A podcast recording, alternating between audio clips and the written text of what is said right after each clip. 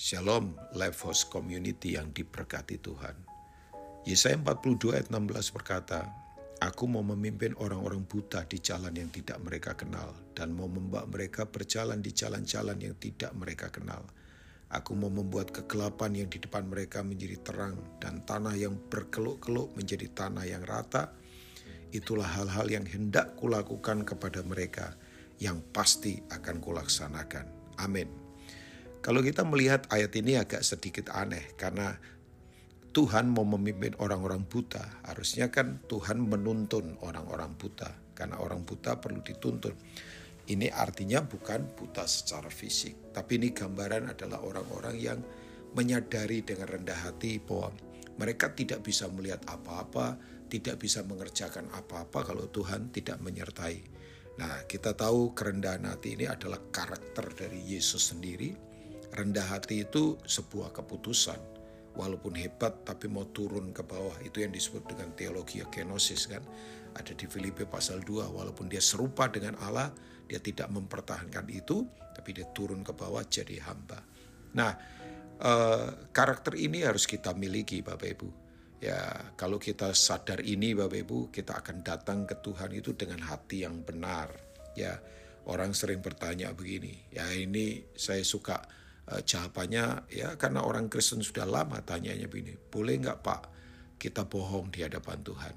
Ya boleh nggak kita misalnya uh, ngerjain uh, uangnya orang untuk kepentingan kita?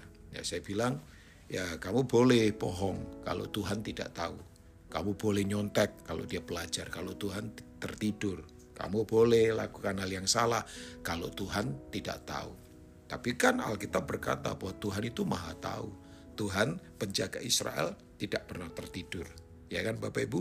Jadi kalau kita mengenal Tuhan ya dengan benar kita tidak mungkin berbohong. Kita tidak akan mungkin melakukan hal yang jahat. Karena kita tahu nah butuh kerendahan hati untuk selalu datang kepada Tuhan bahwa Tuhan aku tidak mampu apa-apa. Karena begini, jalan-jalan di depan ini adalah jalan-jalan yang baru saya yakin Tuhan sedang membuat itu. Ya, percayalah dalam Tuhan karena Tuhan sendiri kan jalan, tapi dia juga pembuat jalan. Dan yang saya tahu, Tuhan kalau membuat jalan tidak pernah bikin jalan yang buntu. Percayalah, jalan kan bicara tentang pergerakan. Ya, selalu bergerak itu artinya kehidupan. Kalau saudara uh, pergi ke satu tempat, saudara bisa sampai tempat itu karena memang saudara bisa bergerak ke sana dari satu tempat berbeda ke tempat yang kita tuju kan itu namanya pergerakan. Tapi juga yang luar biasa Tuhan itu mau membuat kegelapan yang ada di depan kita menjadi terang. Saya percaya ini tahun di mana Tuhan akan menggelontorkan pewahyuan strategi ilahinya begitu hebat ya buat Levos Community ini. Jadi akan ada banyak strategi baru di bisnis kah eh, di keluarga kah yang itu datangnya dari Tuhan sendiri ya jadi bersiaplah untuk banyak hal yang mengejutkan. Ya, begitu itu terjadi, ya kita dapat banyak strategi, kita dapat pertolongan Tuhan sampai kita itu lupakan semua kesusahan kita kemarin karena sangat hebatnya Tuhan berkarya. Tapi juga Alkitab berkata, dia akan uh, membuat tanah yang berkeluk-keluk menjadi tanah yang rata. Nah, tanah itu bicara tentang ya teologi penghasilan, tanah itu adalah warisan kita, karena kita diciptakan ya secara fisik dari debu tanah. Kita makan juga dari tanah, hasil dari pertanian, hasil dari uh, buah-buahan yang kita makan, ya itu kan semua dari tanah dan tanah itu Tuhan yang ciptakan. Jadi saya percaya Tuhan akan menyatakan banyak hal luar biasa ya dalam tanah itu ya terjadi kandungan yang luar biasa mineral, vitamin dan semua hal yang kita perlukan ya bahkan Uh, kalau kita membaca kejadian 26 di tanah kering, Ishak menabur, ya luar biasa.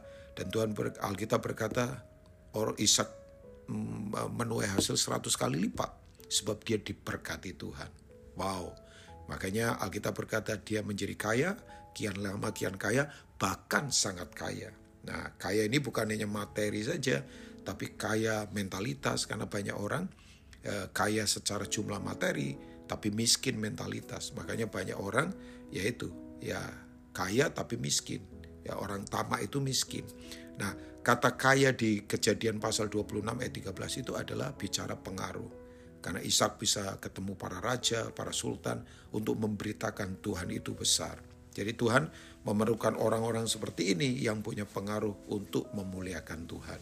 Nah, Alkitab berkata di, di ayat bagian terakhir Yesaya 42 ayat 16 bahwa apa yang Tuhan janjikan ini ya, ya itu pasti akan terlaksana. Jadi pasti tidak mungkin tidak walaupun ada prosesnya, ada waktunya Tuhan. Jadi tetap bersuka cita, jemaat Levos Community, Tuhan Yesus memberkati. Amin.